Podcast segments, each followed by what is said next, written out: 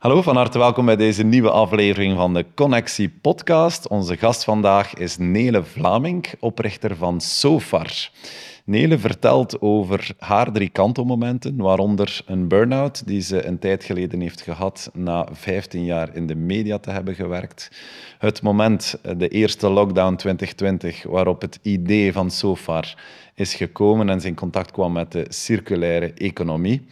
En het derde moment was 10 mei 2023, waarop ze Sofar effectief heeft gelaunched, gelanceerd. En hoe zij uh, heel enthousiast is om van dit verhaal een groot succes te maken. Abonneer je nu via Spotify, Apple Podcast of YouTube om geen enkele aflevering te missen. Bedankt ook om een reactie na te laten, ons een aantal sterren te geven of deze aflevering te delen met andere mensen. En op die manier zorgen we ervoor dat deze podcast ook tot bij meer mensen terechtkomt. Mijn naam is Bert, oprichter van Connectie. En via deze podcast maken we de uitdagingen van het ondernemerschap bespreekbaar. We doen dit door in gesprek te gaan met onze gast over zijn of haar drie kantelmomenten in hun ondernemersleven. Dat is ook wat we met Connectie doen. We helpen ondernemers groeien naar een goede connectie op drie niveaus. Eén, met jezelf. Twee, buiten jouw bedrijf met collega-ondernemers. En drie, binnen jouw bedrijf met je medevenoten en medewerkers. Heb je zelf als ondernemer een uitdaging die je wilt delen? Ga dan naar connectie.eu slash deel jouw uitdaging en wie weet kunnen we jou helpen. Van harte welkom bij de Connectie podcast.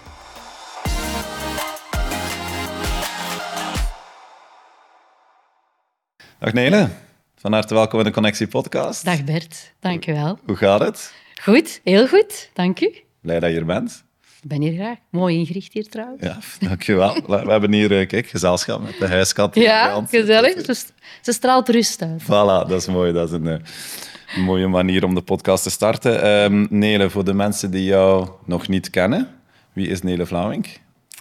Ik ben Nele Vlaming, ik ben 45 jaar. Uh, ik ben eigenlijk als kind opgegroeid in Kortrijk, West-Vlaanderen.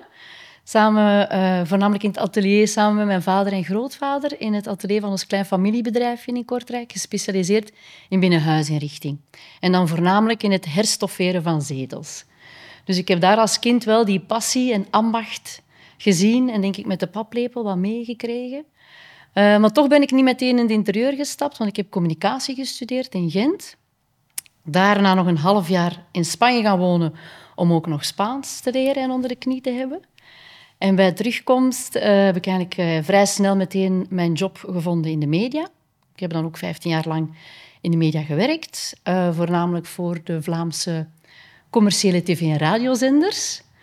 ondertussen woon ik met mijn twee kinderen, Lou Marta. Lou is 15, Marta is 12. En mijn man en Charlie, onze labradoodle, wonen wij in Breendonk, puur Sint-Amans. En heb ik nu al een achttal jaar uh, mijn eigen bedrijf als interieurontwerper. Want ik ben eigenlijk ook later tijdens mijn fulltime job ook nog in het volwassen onderwijs en avondschool nog extra een opleiding gaan volgen voor interieurontwerp. En uh, 3D Google SketchUp leren tekenen. En ondertussen inderdaad werk ik al acht jaar als zelfstandige en uh, voor een, mijn eigen bedrijf in interieurontwerp. En ben ik nu ook sinds een jaar de founder en CEO van Sofar, een nieuw Belgisch sofamerk, passend binnen in de circulaire economie. Yes, en daar gaan we het sowieso straks over hebben. Ja. Um, hoe zou je jezelf omschrijven, Nele, als persoon, als persoonlijkheid? Ik ben iemand die heel uh, gepassioneerd is, denk ik, gedreven, enthousiast, toch wel perfectionistisch, wat ook mijn valkuil kan zijn. Um, maar ik heb um, een why nodig. En, en ik wil graag impact maken. Ook als ondernemer vind ik het net belangrijk eigenlijk om uh, impact-driven te ondernemen en proberen het verschil te maken. Dat zijn een aantal eigenschappen die je zelf zou toekennen. Ja. Uh, het perfectionistisch zijn, van waar komt dat? Van waar is dat? Ik denk dat dat iets is dat je nu ziet, dat je uh, het, het, goed wilt doen, uh, dat je er wilt voor gaan. Uh, ja, ik denk dat dat iets is die een beetje gewoon in u zit. Mm -hmm. Ja, en daar heb ik wel moeten leren ook van, ik ben ook een pleaser. Ik wil het graag goed doen. Ik vind het leuk om mensen met elkaar in contact te brengen, een bruggenbouwer. Ehm, ja. Ik krijg ook energie eigenlijk als manifestor, krijg ik voornamelijk energie om ook zo nieuwe dingen te starten en de grond te stampen. Zo. Daar krijg ik wel energie van. Ja. Ja, Wat je nu eigenlijk aan het doen bent ook met Ja. Sofar. Dus, eh, volledig. ja, want eh, wat is Sofar? Eens iets over... eh, Sofar, dat is eigenlijk, eh, ik werk al twee jaar achter de schermen aan Sofar. Eh, maar Sofar is eigenlijk een nieuw Belgisch designmerk, een zetelmerk, passend in de circulaire economie, waarbij dat we eigenlijk een gemakkelijk aanpasbare zetel hebben eh, bedacht en ontworpen en nu ook op de markt gebracht.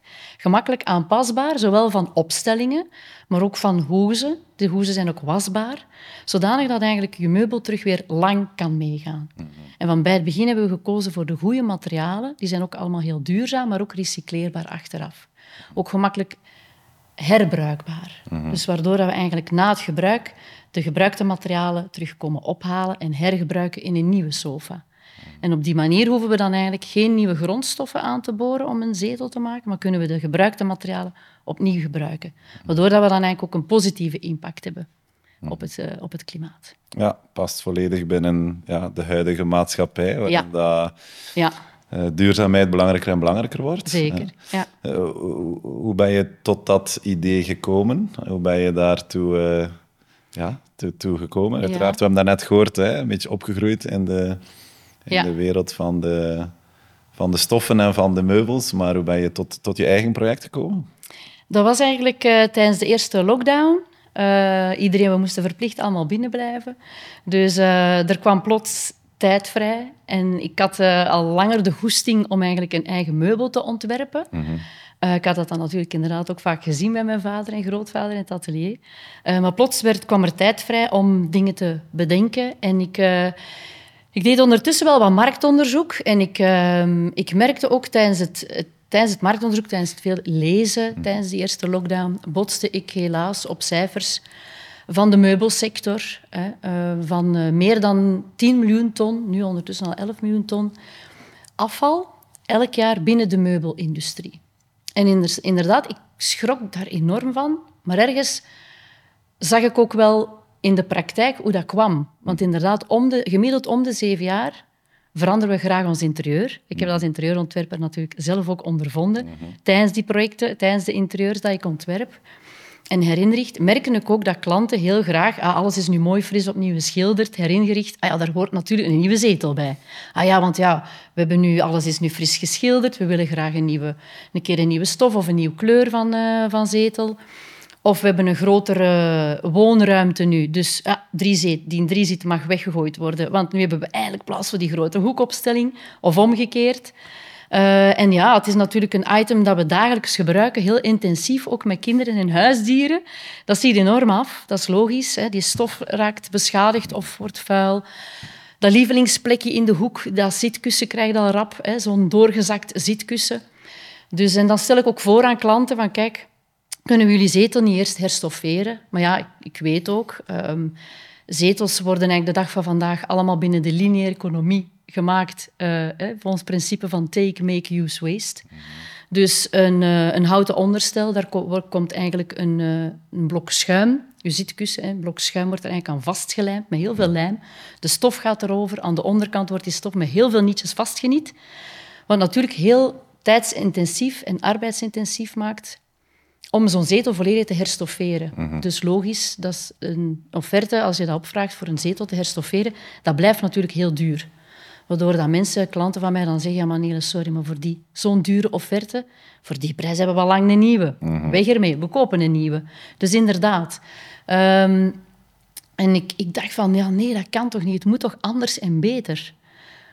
En daarom heb ik gewoon gezegd, ja, dan ga ik zelf een meubel ontwerpen Zalig. die wel terug lang meegaat, die toch heel goed zit, die er mooi uitziet. Want ik wil natuurlijk niet dat dat zo'n geitenbolle sokken... Hè, we moeten daarvan af. Dat duurzaam design echt wel mooi design kan zijn. Tijdloos design is, goed zit. En die toch gemakkelijk is, die gemakkelijk eh, aanpasbaar is. Naar gelang de fase, naar gelang de goesting gewoon dat je, dat je hebt. En je nu zin hebt om na drie, vier jaar, oké, die blauwe zetel, die blauwe hoezen, ik ben dat eigenlijk beu. Wel, koopt gewoon een nieuw wit hoezenpakket of een, andere, een ander stoffen, stoffen hoezenpakket. En geeft een nieuwe look en feel. En zo gaat eigenlijk je gebruikte materialen toch veel langer mee. En stel dat je dan toch eigenlijk de zetel niet meer kan meever... Stel je kantoor, hè, eh, de, eh, je huurt maar voor drie tot vijf jaar. Je kan de zetel niet meer mee verder mee verhuizen. Dan komen we eigenlijk met Sofar heel graag met onze take-back service de sofa terug ophalen. Zodanig dat we dan die gebruikte materialen, het aluminiumframe, de pocketveren die in de zitkussens zitten, dat we die allemaal kunnen reinigen, herstellen en opnieuw herinzetten in een nieuwe sofa. En voor dat uh, onderdeel van ons uh, businessmodel, dus die take-back service, werken we eigenlijk uh, samen met een maatwerkbedrijf, waar mensen, die mensen te werk stelt met een grotere afstand tot de arbeidsmarkt omdat we ook binnen SOFAR het heel belangrijk vinden om zowel een positieve ecologische, maar ook een sociale impact te maken. Mm Mooi. Uh, en in hoeverre is, ja, in hoeverre is, is uh, wat jij nu doet met SOFAR een gevolg van familiebedrijf, waar je daar net al over vertelde, van, van jouw vader en jouw grootvader. Mm -hmm. is, dat, is dat daar uh, ontstaan? Uh... Ik denk het wel. Hè. Ik denk dat daar wel het zaadje geplant is. Uh, ik denk dat ik daar gezien, mensen gezien heb die met passie en liefde voor een meubel -hmm. werken. Hè, die, die mooie ambacht eigenlijk, om, te, om terug eigenlijk naar een kwalitatief meubel te gaan. Mm -hmm. En niet zomaar eigenlijk een meubel die heel snel doorgezakte kussens heeft die moeilijk aanpasbaar is, moeilijk herstelbaar is, om dan uiteindelijk eigenlijk weggegooid te worden en koop dan voor, vooral maar snel een nieuw mhm. meubel. Uh, ja, de grondstoffen geraken ook op. Dus mhm. ik, uh, ik heb zelf ook twee kleine kinderen. Tijdens de coronaperiode um, is dat bij mij ook heel hard binnengekomen. Van hoe het is echt wel niet langer niet meer vijf voor twaalf. Mm -hmm. um, we moeten iets doen. En als mijn kinderen mij ook later vragen van mama, en jij wist dat, en wat heb je eraan gedaan? Mm -hmm. Dan is het nu de moment en nu wou ik echt graag iets... Had ik het gevoel van, ik moest iets doen. Ja, maar je bent letterlijk opgegroeid in het familiebedrijf vroeger. Heb je daar rondgelopen of heb je daar ook uh, gewerkt? Of ging Niet dat toen? gewerkt. Nee, ja, nee, eerder als kind echt als gespeeld, kind gespeeld, tussen de rollen stof en de rollen leer. ja. vond dat fantastisch. Ja. Er was ook een, uh, een, een winkel aan, een gordijnenwinkel, dus voor raamdecoratie. Dus ik ben echt letterlijk opgegroeid tussen die stoffen en het leer. En ja, vond dat fantastisch. vond dat eigenlijk heel leuk. Ja, en wat heb je nog meegekregen van die periode? In welk nest ben je, ben je opgegroeid? Ik uh, denk voornamelijk harde werkers. Ja, en ik voel dat nu ook wel in mijn manier van werken. Um, heel lang denken van, en ik moet dat zo doen, en je moet lange dagen, en je moet heel veel presteren, en je moet het goed doen. En ja, dat die je hard inzetten, hard werken, doorzettingsvermogen, um, wat ook een valkuil kan zijn natuurlijk. Um, wat ik nu uh, ondertussen door ook coaching leer inzien dat het uh, vandaag van de dag ook anders kan, het ondernemen, het, uh, het, ondernemerschap. Dat het niet afhangt van de aantal uren dat je van s morgens vroeg tot s avonds laat aan je bureau zit, mm -hmm. maar dat, je, dat het gewoon belangrijk is van de, de uren dat je ook werkt, kwalitatief zijn mm -hmm. en dat het veel meer inhoudt, het ondernemerschap, dan uh, alleen maar hard, hard werken en heel veel uren. Ja, het gaat erover wat je doet in de uren dat je werkt, ja. dan over ja, hoeveel voilà. uren dat je, dat je aan de slag bent. Dus, ja. Alright. Het concept van de podcast uh, ken je niet. We hadden gevraagd mm -hmm. om vooraf een drietal uh, kantelmomenten te selecteren. Hoe was dat om dat te doen?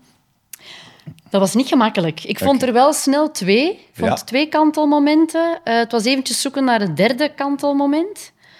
Um, maar ja, de eerste twee waren voor mij inderdaad vrij logisch, omdat dat ook echte kantelmomenten zijn geweest mm. in mijn leven. Mm. Ja. Voilà, dan gaan we er direct in vliegen. Hè? Ja. Dus, uh, tijd voor het uh, eerste kantelmoment. En dat gaat uh, ja, direct over iets persoonlijks. Mm -hmm. en, je hebt het zelf omschreven als een burn-out, waarin je ja. terechtgekomen bent. Vertel eens, hoe is, dat, hoe is dat gegaan? Wat is er toen gebeurd? Ja, dat is eigenlijk uh, gekomen in de periode dat ik nog uh, fulltime werkte voor de, uh, voor de media, hè, voor de Vlaamse radio- en tv-zenders. En zoals ik misschien al zei, ik ben heel gepassioneerd en gedreven. Hè. En ik ben ook heel verantwoordelijk. Ik, ik deed mijn job ook super graag. Mm -hmm. Ik ging ook met de smile gaan werken.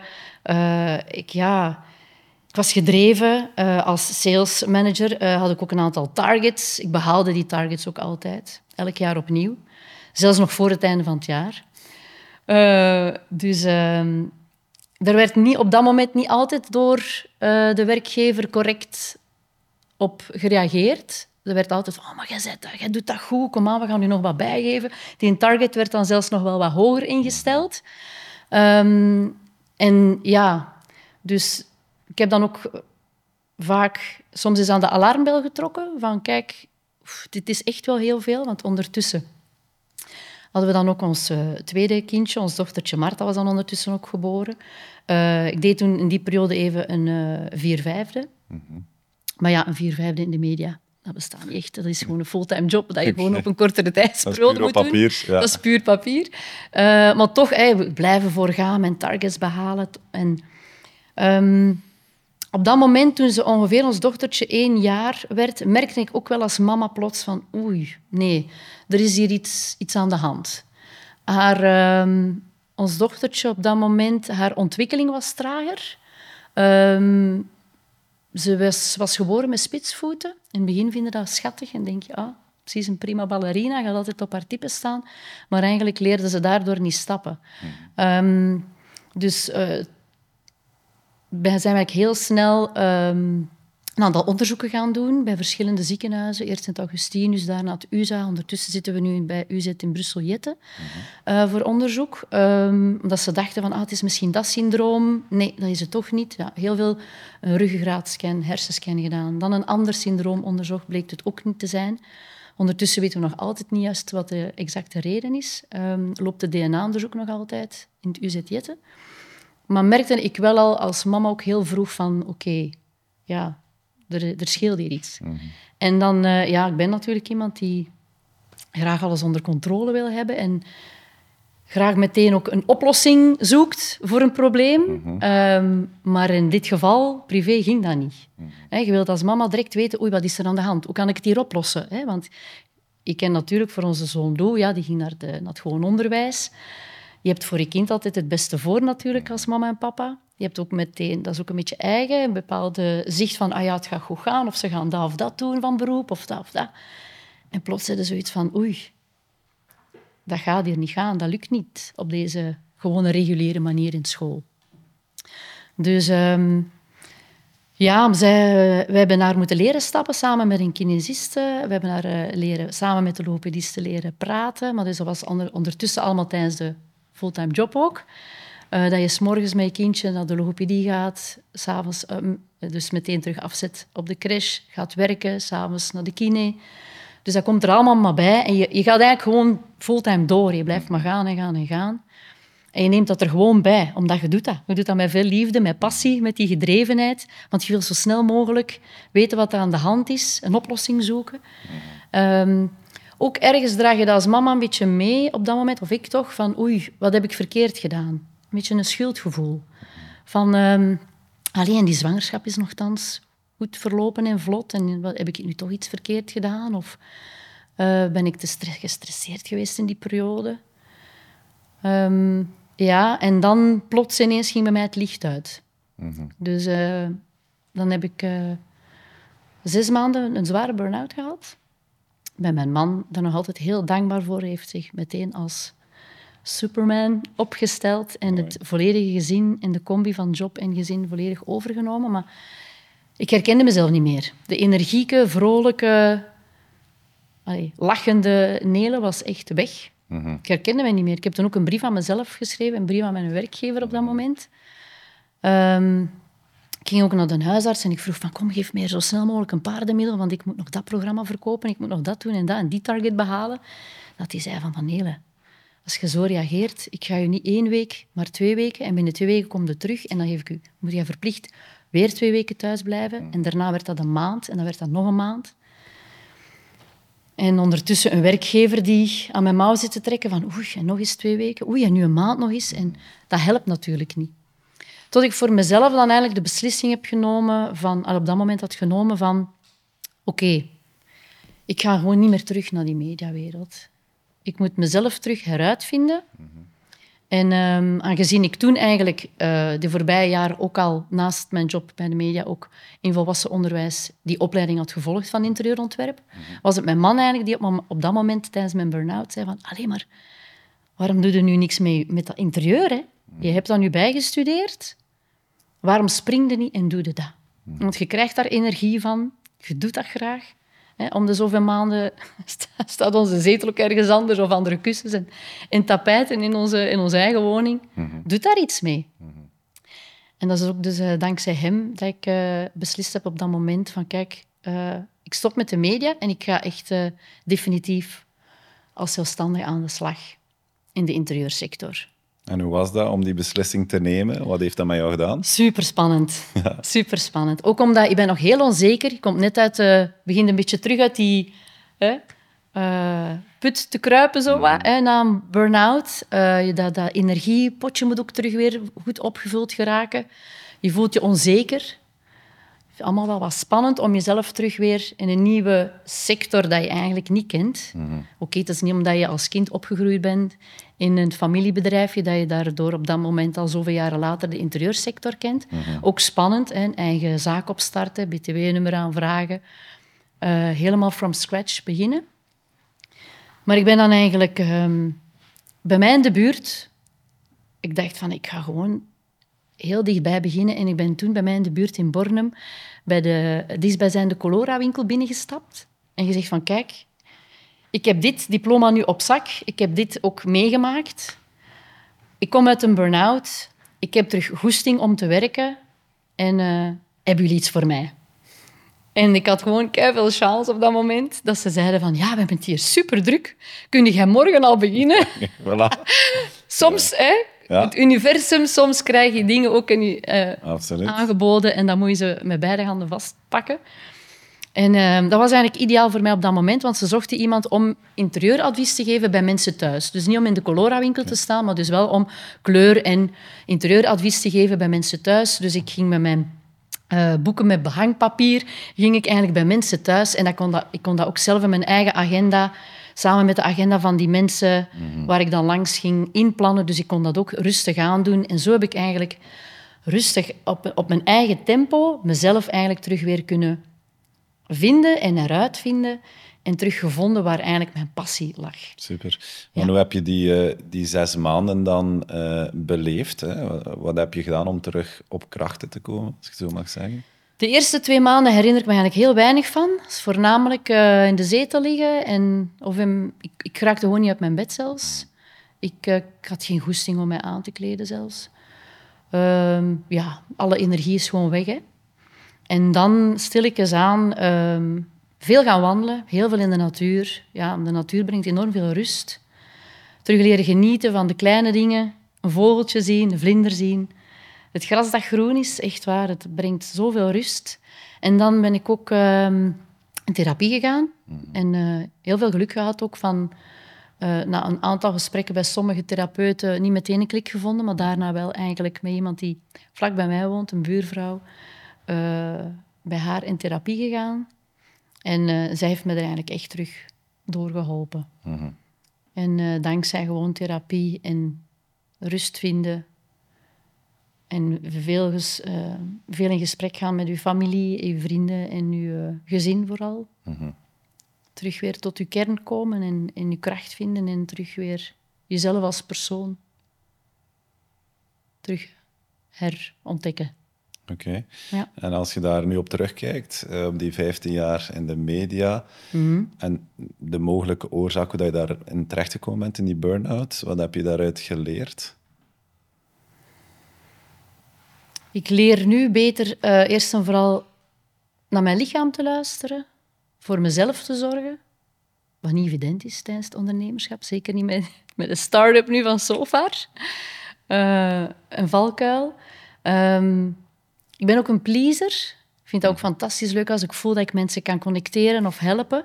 Maar daar, daar schuilt ook wel een beetje een valkuil in soms, dat je vaak... Dat, maar ik ben een gever, zeg ik soms. Ik geef, allez, ik vind dat leuk ook. Ik geef en ik geef maar, maar ik moet er ook op toezien dat ik, uh, dat ik uh, mijn potje energie goed bewaar. En, en dat ik goed voor mezelf zorg.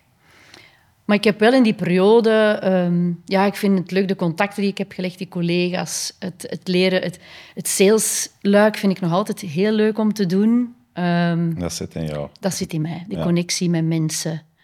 Uh, ja, een oplossing zoeken voor mensen. Voelen van waar zit uw nood, waar is het probleem, waar kan ik jou bij helpen. Ehm, net eigenlijk zoals bij interieurs inrichten. Hè. Mhm. Ik vind het ook fantastisch uh, als ik achteraf een kaartje krijg of een berichtje nu nog onlangs van een klant van ja, hele super bedankt voor uh, ons te helpen en ons te ontzorgen bij de inrichting van onze woning. Het is fantastisch om na een drukke werkdag thuis toe te komen in een oase van rust en uh, ons te ontzorgen bij al die stress en moeilijke keuzes die we vaak moeten maken bij het uh, inrichten van een interieur. En dat doet mij deugd. Dat vind ik heel leuk. Daar krijg ik energie van. Mooi. Ja. En, en wat zou je mensen uh, aanraden die in zo'n periode zitten, hè, of misschien richting een burn-out aan het gaan zijn, of in de burn-out zitten, hè, vanuit jouw eigen ervaring? Wat zijn jouw tips of aanbevelingen? Erop waken, inderdaad. Voelen van, wat is echt, waar krijg ik energie van? Wat is mijn kern? Durven ook nee zeggen. Ook, ja, ik kreeg op dat bepaald moment, omdat ik zo gedreven was, kreeg ik altijd maar meer en meer en meer. Opdrachten en targets. En um, ja, durven echt nee zeggen. En zeggen van, kijk, ja, nee, je hoeft dit niet in mijn voortuin te gooien. Het is echt te veel. Tot hier en niet verder. En ook ergens leren van, de lat hoeft niet altijd heel hoog te liggen. Goed is ook goed genoeg. Mm Dat is een mooie. En jezelf niet, vooral jezelf niet vergeten in het hele verhaal. Want ondernemen is echt een topsport, vind ik persoonlijk. Goed voor jezelf zorgen, sporten, mediteren, yoga doen, mhm. de rust zoeken, energie ook zoeken. Van, van, ja, je vindt heel veel er komt, borrelt heel veel creativiteit in mij op als ik in de natuur ga wandelen. Mhm. En, en dat, dat vergat ik vaak op dat moment. Dat het, het, werd, het was alleen maar werk, gezin, werk, gezin, werk, gezin. En je vergeet jezelf. Mhm. Maar uiteindelijk heeft het een positieve uitkomst gehad. Mhm. Dat is dan het, leuke als je daar achteraf op, op kijkt, terugkijkt, dat, je, ja. dat wel iets positiefs uh, is uitgedraaid. Zeker, dat kan ik nu achteraf wel zeggen, dat die burn-out was echt een geluk bij een ongeluk. Ja. Ja, het heeft, was echt een, een groot kantelmoment. Echt letterlijk zeggen van, kijk, ik stop in een heel bekende sector na 15 jaar en ik begin volledig opnieuw. Mhm. Maar ik krijg er zoveel energie van. Ik, uh, ik kwam ook na Colora, dat heeft ook binnen een jaar kwam er alweer al iets nieuws op mijn pad. Ik ben er heel dankbaar voor. Ik kwam heel toevallig in contact met mensen uit het management van Tomorrowland, waarvan ik dan een interieur mocht inrichten. Mhm. Eh, en daar rolde meteen de ene naar de andere opdracht uit. Ik mocht plots ook uh, samen met Dieter van der Velpen de kantoren van Tomorrowland, de nieuwe kantoren, het hoofdkantoor inrichten. Zien er fantastisch uit. Ja, ik vond dat fantastisch. Dan, dan denk ik, oké, it was meant to be. Het is teken dat ik echt die weg moest opgaan. En uh, dat had ik nooit gedaan als ik die burn-out niet, niet, had, niet had gehad. Ja, maar ook gedurfd om te zijn een keer niet terug en ik ga starten. En ik start iets nieuws. Ja, ja, En, en dankzij dan ja, Tomorrowland mocht ik dan ook de kantoren doen. Ook het, het restaurant Messa, Taste of the World in de. Kloosterstraat in Antwerpen mocht ik inrichten. Dan enkele VIP-tenten op het, eh, op het festival. Mijn man uh, werkt ook in de media, dus dankzij mijn man ben ik bij Erik Goens terechtgekomen. Heb ik ook zeven jaar als vaste huisstyliste het huis, het tv-programma Het Huis, mogen inrichten. Ook die huis in Zuid-Afrika. Dus er, ik ben zo dankbaar. Er zijn al zoveel mooie projecten en nieuwe ervaringen op mijn pad gekomen. Mhm. Ja, fantastisch. Waardoor we ook drie maanden met ons gezin in Zuid-Afrika zijn gaan wonen, in Wellington om die woning in te richten en mhm. te verbouwen en in te richten voor die huis, voor het programma. Dus ja, heel dankbaar voor. Ja, Een van mijn lievelingsprogramma's. Dus ja, echt? Ik, kijk er nu anders naar, nu dat ik weet dat, jij het hebt ingericht. Dus, uh, ja, mooi programma. Het is niet omdat het van mijn man is, maar ik vind uh, ja, complimenten aan het, aan hele team van het, uh, van het programma eigenlijk. Absoluut, ja. absoluut. Nee, Mooi, bedankt om zo open te vertellen over, over jouw burn-out. Niet evident, hè? dat blijft mm nog wel vaak taboe, merk ik. Mhm. Eh, bij zowel ondernemers als, als andere mensen. Dus uh, het is ook goed dat dat uh, op die manier even uit... Zeker, om aan te tonen ook van, kijk, het is, het is helemaal oké om daar kwetsbaar... om je kwetsbaar te durven opstellen en daar open over te praten. Ook omdat het echt een positief kantelmoment kan betekenen, zoals ook in mijn geval. Dus Absoluut, een nieuwe start. Zeker, ja. ja. Alright, tijd voor het uh, tweede kantelmoment. En daar heb je kort al uh, iets over verteld daarnet. De, de mm eerste lockdown, maart 2020. Ja. Hoe heb, hoe heb jij die beleefd? Wat is er toen gebeurd? Ik vond dat heel spannend eerst. Hè. Heel veel stress, financiële onzekerheid natuurlijk. Mhm. Maar zoals veel, allee, veel bedrijven, veel ondernemers. Hè. Alles viel stil. Ik mocht letterlijk ook niet meer bij klanten binnenkomen hè, met de lockdown. Mhm. In het begin probeer je dat nog wel met video. Uh, mensen liepen dan rond met een telefoon. Kijk, dit is hier de kinderkamer. Hoe zou je die inrichten? Hoe zou je die inrichten? Ja, dat gaat niet. Daaraan voel je echt, als je een people-mens bent en ook in een people-business werkt, dat, dat ging echt niet. Je moet, je moet met die mensen aan tafel kunnen zitten en een tasje koffie drinken en eens vertellen. Je moet die mensen persoonlijk ontmoeten. Ehm, wat vinden ze mooi in een interieur? Wat vinden ze minder mooi? Waar gaan ze graag op reis? Hoe ziet een gezin eruit? Wat zijn de favoriete plekjes? Mhm. Ehm, dus ja, dat ging niet meer. En ik heb die, die periode dan ook uh, ja, genomen, omdat er ineens plots tijd vrij kwam. Uh, om heel veel te gaan wandelen in de natuur. Dus die creativiteit begon meteen te, mhm. op te borrelen.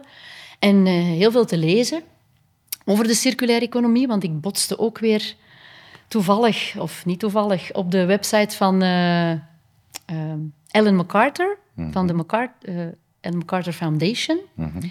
En zij is al uh, heel lang aan de slag binnen de circulaire economie. Zij was ook de eerste vrouwelijke solo-zeilster. Mm -hmm. um, die ja, heel veel afval gezien heeft, eerst en vooral uh, plastic afval in de oceaan, maar ook eigenlijk gemerkt heeft tijdens het zeilen van kijk, ik moet het hier nu doen met hetgeen dat ik aan boord heb op mijn boot. Mhm. Hiermee moet ik het doen. Met de weinige brandstof nog dat ik misschien heb en met de voeding dat ik mee heb.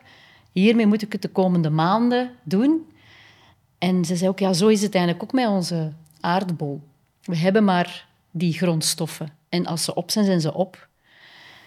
En ik dacht, amai, circulaire economie. En ik, ik, las daarover op haar website en dan dacht ik, er bestaan woorden voor, voor hetgeen dat ik voel en graag wil doen. Daar bestaat een woord voor en daar zijn al andere mensen mee bezig. Mhm. Dus dan ben ik heel snel in die periode op zoek gegaan naar mensen binnen de circulaire economie. Heb ik ook de Circular Kickstart uh, ontdekt op dat moment, mij mhm. ingeschreven, gepitcht, online nog allemaal in die periode. Mhm. Ehm, en ehm, had ik ook gewonnen en was ik ook een van de finalisten en mocht ik deelnemen aan het traject van de Circular Kickstart. Zalig. En daar eigenlijk uh, toch ook heel spannend ook weer, mijn eerste idee van kijk, ik zit met het idee om een zetel, zelf een zetel te ontwerpen, passend binnen in de circulaire economie. Terug met duurzame materialen, mm en terug, terug, een product dat waar we als producent ons verantwoordelijk voorstellen en zeggen van kijk, we maken een goed product die lang meegaat, en zelfs na gebruik zijn we er zo trots op en willen we die goede materialen terug. Omdat we die grondstoffen die we gebruikt hebben, terug kunnen inzetten in een nieuwe zetel, waardoor dat we geen afval hebben. En uh, ja, dat was wel uh, heel leuk. Ja, je voelt het, ik krijg daar heel veel energie van. ik doe dat heel graag. Iets nieuws in de markt zetten. Ja. En tot dan was de circulaire economie al minder bekend? Ja, zeker. Ah, okay. Tijdens mijn, uh, ja. toen ik nog in de media werkte, was ik daar eigenlijk heel weinig mee bezig. Mhm. ik, uh, ja, wel, ik denk wel altijd... Um, sowieso met interieur werk ik graag met hele mooie, duurzame producten. Mhm. Of zelfs vintage meubilair. Ik zeg van, uh, zelfs design klassiekers. Mm vintage meubels vind ik heel leuk. Dus dat past eigenlijk ook al in het circulaire businessmodel, omdat je natuurlijk, hè, design meubilair gaat heel lang mee. Um, ja, vintage gaat ook heel lang mee. Dus dat wel. Maar eigenlijk, dat woord circulaire economie is echt bij mij pas, uh, echt pas binnen de eerste lockdown bij mij uh, binnengekomen. Oké. En hoe, hoe, ziet de wereld van de circulaire economie er, er op vandaag uit? Hè? Dat is een, iets dat enorm aan het groeien is. Hoe, is, hoe, ja, hoe gaat dat Dat merk ik wel. Het gaat heel traag. Ja. Het is ook moeilijk, uh, vind ik persoonlijk, om te ondernemen binnenin die circulaire economie. waarom? Omdat de traditionele sector, vooral de, de meubelsector, is een heel traditionele sector. Ja, dat zijn grote zetelfabrikanten die al jaren op dezelfde manier zetels maken. Dus daarom, ik voelde ook heel veel weerstand in het begin. Of toch zo Op ongeloof. Op ja. welke manier dan, bijvoorbeeld? ja, ongeloof. Of zo van, amai, nee, meisje toch. Waar jij nu aan begint. En zo moeilijk. Een beetje Zou je klein, dat wel klein doen? Ja. Ja, ja, ja. Je gaat daar niet rijk mee worden. Zo. Daar ga jij... Dat is geen winstgevend businessmodel. Eh, ja, ze maken al heel lang op dezelfde traditionele manier, met goedkope grondstoffen, hè, houtblokken, goedko- goedkope moes erop, vastlijmen, stof erover, nietjes, Lage klaar prijs. en verko- Ja, ja. verkoop het maar aan de lage prijs. Eh, en verkoop maar veel, hè, laag, aan lage prijs en veel, veel stuks verkopen. Dat is een ander, een ander businessmodel. Binnen in die circulaire economie zeggen we van ja, maar nee, het moet en het kan anders. Je- We gaan ons van bij het begin eigenlijk de manier waarop dat die zetels gemaakt zijn, maar ook geconsumeerd worden, gaan we eigenlijk gaan herdenken en redesignen. En gaan nadenken van hoe kunnen we nu een meubel maken zonder die definitieve verbindingselementen, zonder die lijm, zonder die nietjes. En, en, en liefst dan nog eigenlijk korte keten, heel dichtbij. Weten als producent heel transparant kunnen zijn naar uw eindconsument van kijk, dit zit erin van uw materialen. Het wordt daar gemaakt, het is correcte tewerkstelling. En in België, korte keten met sociale en ecologische impact. En dat waren zoveel natuurlijk dingen om af te vinken, dat veel andere ondernemers ook binnen die, die meubelsector zeiden van dat gaat nu nog niet aanslaan, de markt is er nog niet klaar voor, je bent veel te vroeg. Ik zeg, ja, maar toch beter te vroeg dan te laat. En het is toch niet omdat het moeilijk is dat we het daarvoor niet moeten doen. En dan dacht ik, ja, als jullie het niet doen, dan ga ik het gewoon zelf doen. En dan doe ik het alleen. Super. En in het begin is het natuurlijk ook heel veel trekken en sleuren om een eerste prototype te maken. Ik wou dat eerst met een stalen frame doen. Maar ja, dan klop je aan bij grote stalen fabrikanten en dan zeggen die, ja, oei, voor één stalen frame, ik kreeg al zelfs geen offerte. Ik moest echt trekken en sleuren om nog maar een offerte te krijgen voor één frame om mijn prototype te maken. Dus oh, dat ging echt heel moeizaam. En ehm, ja, tot je dan eigenlijk echt, ja, je moet echt blijven doorzetten. Hè. En, en de lastige beller, van, oh, ze is daar weer. Ja, dan kunnen ze... Sales skills kwamen. Ja, ja, dat kwamen mijn sales skills van in de, me- Van van pas, in de media ja. goed van pas. En, eh, en echt gewoon doorzetten. Hè. En dat ook vrienden rondom mij zeiden van, amai, nee, goh, hè, chapeau dat jij dat doet. Maar ik had zoiets van, ja, het moet, ik moet dit doen. Mhm. Allee, kom aan, waarom, doen, waarom heeft eigenlijk nog geen ander merk dat gedaan? Mhm. En ehm, ja, en je ziet, het lukt, hè. Tuurlijk. Het lukt, Ja, ja. dat vind ik fantastisch, omdat je zegt, ik ben enerzijds een pleaser, maar op dat punt luister je dan niet naar wat de mensen zeggen, dan ga je wel Recht door. op mijn doel af. Ja, Ja, Dus dat is wel een, eh, ja. een andere kant, omdat je voelt van dit is wat ik echt wil doen. ja. dat is echt mijn missie. Ja, Ja. mooi. Want hoe gaat het met de, met de bewustwording ja, van, van de mensen, hè, je potentiële klanten, rond circulaire economie en alles wat daarbij komt kijken? Hoe kijken de mensen daarop vandaag naartoe? Ik voel dat we nu ook eigenlijk op een kantelmoment zitten. Ik voel ook dat mensen ehm, bewuster worden. Het woord circulaire economie zegt hen misschien nog niet zo heel veel, want als ik in het begin sprak over een circulaire zetel, dachten ze allemaal dat het een ronde zetel ging zijn. dus ik dacht, ik moet daarmee stoppen met altijd wat te preachen over die circulaire economie. Ehm, maar als je het dan gewoon vertaalt of met simpele woorden uitlegt van kijk, ja, onze grondstoffen geraken terug op. Als we een product maken, heeft dat sowieso al impact. Dus we kunnen dan maar beter een product maken die goed is en die lang meegaat. Want telkens als je een product maakt, eigenlijk ben je al slecht bezig, want je bent al eh, aan het uitstoten en je, je, je maakt al impact op het milieu, je gebruikt grondstoffen, je gaat die gaan ontginnen, dan kan je maar eh, beter een, ja, van bij het begin, van bij het design, een goed product maken, die lang meegaat en gemakkelijk aanpasbaar is, herstelbaar is. En nu zou het nog goed zijn om iets te vinden als mensen het dan pas echt voelen in hun portemonnee. Als ze zeggen van, ah ja, oké, dus we kopen een zetel aan.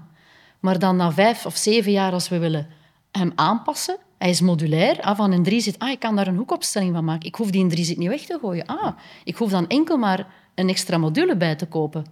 En ik heb een grote hoekopstelling. Ah, ik kan misschien maar een hoezenpakket bijbestellen na vijf jaar. Als ik die beige stof hier beu ben en ik wil daar graag een blauwe op, dan hoef ik maar een goedkoper hoezenpakket te kopen en heb ik wel een volledige nieuwe zetel. Dus als je dat dan eigenlijk gaat vertalen naar mensen en ondertussen ze bewust maken van... Dat is ergens een beetje mijn missie ook met Sofar. Die bewustmaking.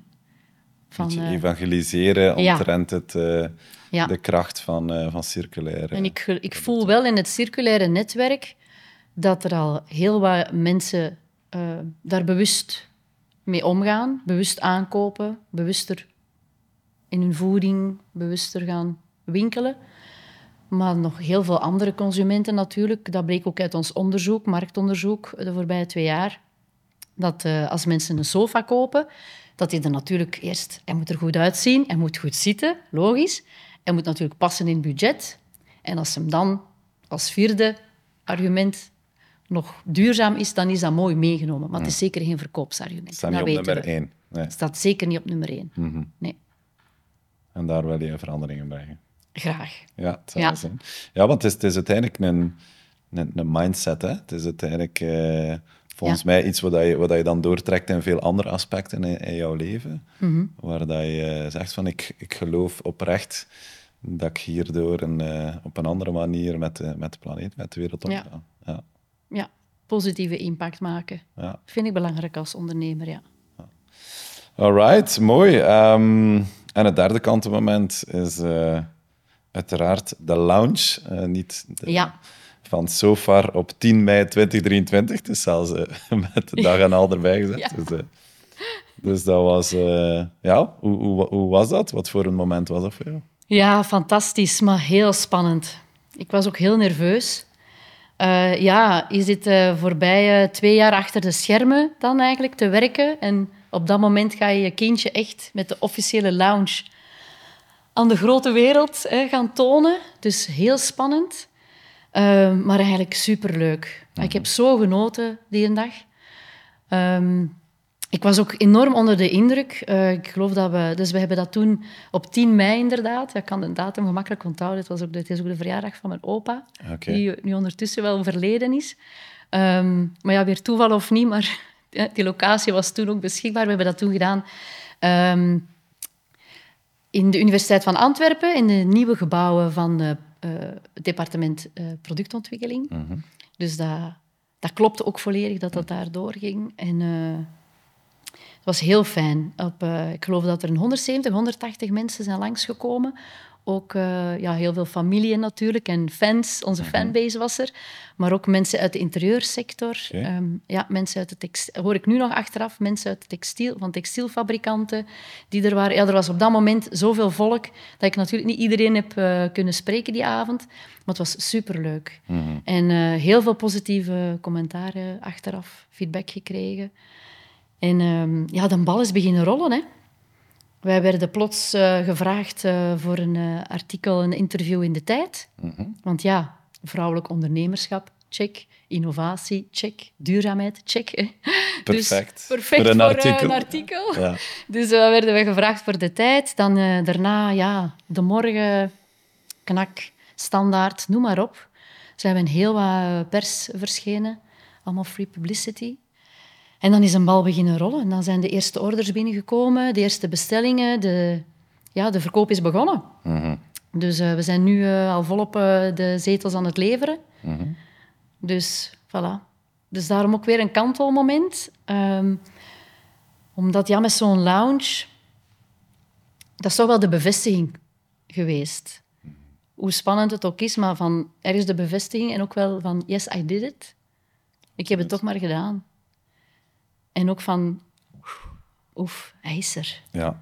Want je zit er lang aan te sleutelen en ja, je kunt blijven sleutelen. Ja. Je kunt blijven marktonderzoek doen. We waren Ja. al twee jaar marktonderzoek aan het doen. En die zetel, oké, die, er kan nog altijd wel een latje fijner of iets aangepast worden. Bij mij gaat het nooit niet af zijn en hij gaat nooit niet goed genoeg zijn, die zetel. Hè, maar dan denk ik ook, we moeten nu gewoon springen. Na twee jaar, we gaan het doen. We hebben een prototype, we hebben op de meubelbeurs gestaan in Brussel toen, ten- om user testing te doen. Eh, er passeert daar veel volk. Dus eh, onze zetelfabrikant eh, zei ook van, ja, als je wilt, kijken we dat je een, een standje krijgt op de meubelbeurs. En ik dacht, oké, we doen dat. En we laten er zoveel mogelijk mensen van allerlei plumage in zitten en liggen. En die werd goedgekeurd, meer dan, want we hebben op de meubelbeurs hebben we daar toen ook de Innovation Award gewonnen Super. van de Balthazar Awards. En we stonden daar op het podium naast uh, ja, meubelbedrijven die al heel lang bezig zijn. Kijk. Dus dat was ook wel uh, een leuke bevestiging van oké, we zijn hier innovatief, we hebben hier iets goed vast. En ook met de lounge, dat dan daarna eigenlijk ook meteen de verkoop begonnen is. Ja, dat was zo'n bevestiging van oké, we did it en we hebben hier iets goed vast. En we gaan zetels verkopen en ondertussen gaan we onze, onze boodschap hè, verder uitrollen en Ja. verder gaan met onze missie. En, en dat vergt nu ook weer in deze fase. Hè, nu is weer het marktonderzoek gedaan en, en, en, en productontwikkeling ligt nu stil natuurlijk, want nu moet als ondernemer je salespad opzetten. Ja. Dus ja, het vraagt ook daar weer, voor mij dan weer een kantelmoment, omdat ik dan voel van oké, ja, weer beginnen zoeken als ondernemer. Nu kom je weer, al- je bedrijf komt in een andere fase. hè, na mar- ma- eh, marktonderzoek, productontwikkeling, go-to-market, de sales nu. Dus eh, ja, je moet constant ook als ondernemer daar zelf in mee bewegen, flexibel zijn, jezelf terug uitvinden, je andere pet opzetten. Ehm, ja, dat is ook weer wat zoekende. Mhm. Maar ja, heel leuk. Hè? Ik bedoel, als je zelf je eigen zetel kunt gaan verkopen, dat is, eh, dat is heel plezant. Dat is iets anders dan advertising voor een Ja, mediabedrijf. zeker. Groot verschil. ja. Wat is, wat is jouw grootste challenge vandaag? Jouw grootste uitdaging? De fase waarin dat je nu zit? Ehm, ik denk nu vooral de juiste kanalen vinden. Omdat mensen logischerwijs vragen, ah ja, in welke, zetel, eh, in welke zetelwinkel gaan jullie dan staan? Of welke interieurwinkel? Daar zijn we nog eh, wel zoekende. Ehm, we gaan eigenlijk niet meteen in de eh, klassieke, reguliere winkel verkopen. Eh, ook omdat we een heel verhaal willen brengen. En ehm, omdat ik niet echt geloof dat we daar meteen in de klassieke meubelzaak eh, dat dat gaat lukken, die verkoop. Ehm, ja, als je daar tussen twintig andere zetels staat en die verkoper moet daar dan een heel verhaal vertellen bij onze zetel en gewoon zeggen, kijk, en je hebt ook dat en dat en dat, en dat is ook allemaal goedkoper, Klopt. eh, Ja. dan klopt dat niet. Dus eh, dat is nu nog wel zoeken eigenlijk naar de juiste verkoopskanalen. Misschien een eigen showroom, een eigen pop-up store beginnen. Komende jaar zijn de plannen. Ehm, en eh, misschien eh, ook nog extra als... eh, ja, nu is het nieuwe mensen aantrekken. Hè? Dus eh, we hebben nu een, een klein team van freelancers rondom ons. Dus dat is heel fijn. Nu al het gevoel dat, we toch, dat ik er niet meer alleen voor sta. Mhm. En misschien op de, op de lange termijn natuurlijk ook wel een investeerder of iemand die echt mee vooral eh, met dezelfde missie en visie mee zijn schouders of haar schouders wil zetten onder Sofar. Mhm. Wat is jouw droom? Wat is jouw eh, wildste droom met eh Sofar? Binnen vijf jaar wil ik eigenlijk echt ehm, een heel bekend Europees nieuw merk zijn. Eh, we gaan eigenlijk binnenkort al heel snel naar het buitenland om te verkopen. We kijken al snel naar Nederland en naar de Scandinavische landen. Ook omdat net daar die landen al meer met duurzaamheid bezig zijn. En ehm, op vijf jaar eh, zullen we echt wel al een omzet van een miljoen behaald hebben. En hopen we inderdaad al met de juiste extra partner van investeerder of eh, iemand, eh, een, misschien een ander merk of een andere partner die een partnership wil aangaan om zo eigenlijk eh, dan buiten Europa te gaan verder groeien. Ja, mooi. Think big. Ja, het zou wel zijn, Zeker. absoluut. Waarom niet? Ja. Waarom niet? Groot gelijk. Ja, nee, heel, heel mooi. En, en ja, zo heb je net gezegd, een start-up, dat is wel direct terug vol een bak erin. Hè? Eh, hoe kom je op vandaag tot rust? Hoe probeer je vandaag zo wat eh, ja, terug, je hebt het zelf gezegd, eh, jezelf terug te vinden of zo die momenten te zoeken? Ja. Ik mediteer, probeer dagelijks te mediteren. Dat lukt me niet altijd, naar gelang met de kids of met de, de agenda of met de planning. Ik probeer toch wel eh, regelmatig te mediteren, veel te gaan wandelen in de natuur. Eh, ik doe ook yo- yoga. Mhm. Ik probeer ook eh, af, en, af en toe eens, allee, de ene keer op jaar, niet af en toe, ene keer op een jaar ga ik eens mee op yoga-retreat. Ehm, dat doet mij enorm veel deugd. Mhm. Daar vind ik eigenlijk wel...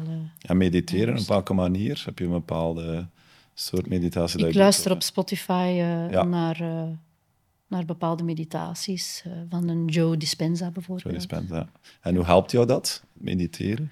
Dat brengt ongelooflijk veel rust. 's morgens en ik voel dat ik die rust echt kan vasthouden de rest van de dag. Oké. Ja. Want als ik dat skip, als het te druk is ook, en ik skip dat, dan heb ik daar eigenlijk later in de dag al meteen spijt van. Mhm. Ik voel dat wel heel snel. Ja, want het is vaak tegenstrijdig, maar hoe drukker dat is, hoe meer nood dat je eigenlijk hebt Eigenlijk aan, hebt. aan Ja, meditatie. klopt, volledig. Ja. En dat is inderdaad wel ergens nog altijd een beetje de valkuil bij mezelf, dat als het druk is, dat dat het eerste is dat ik begin te skippen. Die zelfzorg. Hè. Dat is dan weer, hè, het is druk en gaan en werk en het gezin en werk, gezin. En dat is dan weer het eerste van, ah ja, we gaan niet naar de yoga of we, gaan, we doen geen meditatie of we gaan niet wandelen. En dan, eh, dan voel ik dat meteen. Dan, word ik, weer, dan krijg ik weer dat opgejaagd gevoel. En dan denk ik van, zie je het? Ik heb weer niet gemediteerd vanmorgen of ik heb weer mijn yoga geskipt. Ja, de kracht van, eh, van meditatie wordt nog vaak onderschat. Enorm. En ja. eh, ja. Ook eigenlijk de kracht gewoon van, van over de middag eens even in buiten in de natuur te gaan wandelen. Zonder gsm, zonder... Ja, gewoon even volledig inderdaad offline. Ja, En eh, je krijgt er zoveel energie van dat je die uren daarna weer veel kwalitatiever werkt dan dat je gewoon zegt van ik ga hier gewoon over de middag doordoen. Ehm, wat ik dan eigenlijk op mijn vorige job in de media ook deed. Wij gingen een broodje halen en wij werkten gewoon achter de computer verder. Allee, dus middagbreak, bestond niet. nee. Nee. En, en nu, nu neem ik dat echt, die, eh, die middagpauze Ja, om echt eh, weg, gsm uit, op stil. Of een podcast beluisteren, dat wel. En, eh, en even een, een uur eh, de natuur in. Ja. Wie of wat zijn nog andere inspiratiebronnen voor jou? In alles wat je doet? ja, zoals ik dat net al zei, Ellen MacArthur is natuurlijk voor mij echt eh, de grootste inspiratiebron om iets te starten binnen in de circulaire economie.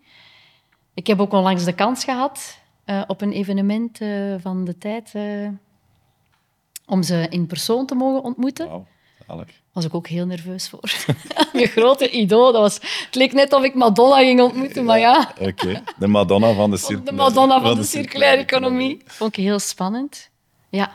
En ehm, ik denk ook gewoon... Ik, ik haal veel inspiratie uit andere ondernemers. Ik luister ook heel vaak hè, podcasts zoals, zoals jouw podcast, Ja, naar hun verhalen. Leuk. En daar haal ik eigenlijk veel inspiratie uit. Ook om te voelen van... Eigenlijk hebben, hebben we allemaal ons eigen verhaal en dragen we allemaal onze bagage mee.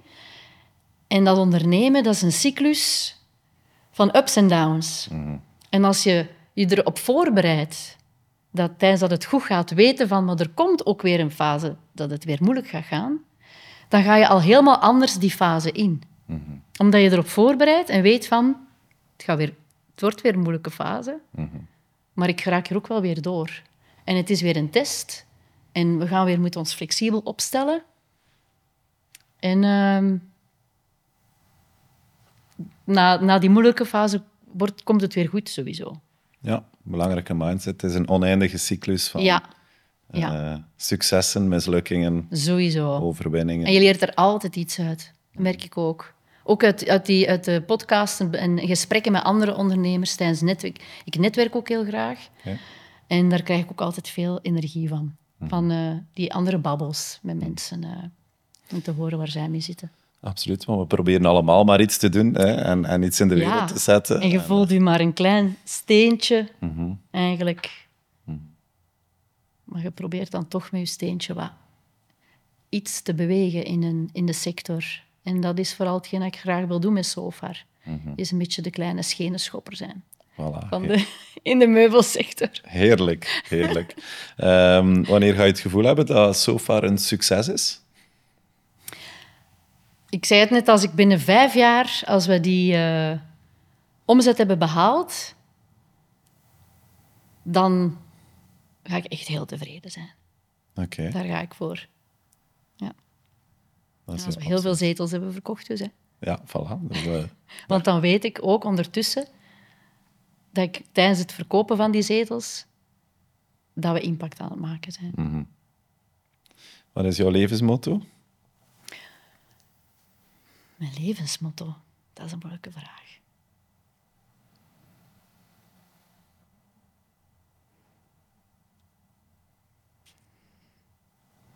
Mijn levensmotto is denk ik gewoon... Probeer iets met, met passie te doen. Probeer eerst goed je why te vinden. Wat dat je graag wil doen. Probeer dan daar een verschil in te maken. Durf het verschil te maken. En doe vooral met veel passie en goesting. En met wat doorzettingskracht ook, doorzettingsvermogen. En dan komt het wel goed. Dat is belangrijk. Ja. Wat zou je nog willen in het leven? Je bent nog jong. Eh, andere dromen buiten Sofar? Wat zijn nog zaken dat je zegt van... Daar droom ik van. Eigenlijk hoop ik ehm, nog veel met mijn gezin ook te kunnen gaan reizen, dingen te zien, veel met de mobilom op vakantie gaan, andere landen te ontdekken. Ik reis ook heel graag. Ik krijg ook heel veel energie van. En we zien wel, dag per dag, wat er op ons afkomt. Mijn twee kinderen zijn gezond. We zijn zelf gezond, dus ik... eh, dag per dag, we zien wel. Laatste vraag, Nele. Welke boodschap wil je nog meegeven aan eh, collega-ondernemers die eh, kijken of luisteren naar deze podcast? Ja, ik denk dat ik dan een beetje terug in herhaling val, maar inderdaad ook het, hetzelfde eigenlijk als ondernemer. Probeer eerst je why, hè, waarom, te vinden. Doe dat met veel passie en goesting.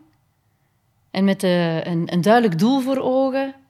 En dan met de nodige inzet en doorzettingskracht geraak je er. En laat je goed omringen ook. Je staat er niet alleen voor. Laat vooral je goed omringen door het juiste netwerk. Durf vragen te stellen, durf te zeggen waar je mee zit. Want mensen en andere ondernemers zijn echt bereid om elkaar te helpen. Dat heb ik ook gevoeld, de kracht van het netwerk. Ik zou het niet Klopt beter kunnen helemaal. verwoorden. Ja, absoluut. Het is iets waar we zelf, eh, voorbeeld, hè? ja, waar we zelf heel hard in geloven en gewoon merken dat het eh, fantastisch is hoe dat and- ondernemers andere ondernemers willen helpen. Als we maar durven open zijn Ja. over eh, waar dat we tegenaan lopen. Dus, eh, En geloof in wat dat je doet. Ja, Superbelangrijk. volledig mee eens. Belangrijk. Maar dat heb ik heel hard gevoeld bij jou. Dus nee, hartelijk dank voor het fijne gesprek. Graag gedaan en bedankt voor de uitnodiging. Nee, met plezier, met plezier. Ik wens jou heel veel succes. Ik ben er zeker van dat je gaat slagen in wat dat je doet. Eh, heel Dankjewel. mooi om, jou, om jouw why en jouw passie te horen over eh, waar je mee bezig bent. En eh, heel benieuwd om die zetel een keer in levende lijven te zien. Ja, Dus, eh, kom maar maar eens testen in de showroom. Hè? Voilà, met plezier, met plezier. We gaan dat zo afspreken. En eh, all the best en eh, tot binnenkort. Heel graag. Dankjewel, Bert. Dank je wel. Tot ziens. Bedankt om te kijken of te luisteren naar deze Connectie podcast. Abonneer je nu via Spotify, Apple Podcast of YouTube om geen enkele aflevering te missen. Wil je zelf een uitdaging delen? Ga dan naar connectie.eu slash deel jouw uitdaging en wie weet zien we elkaar binnenkort.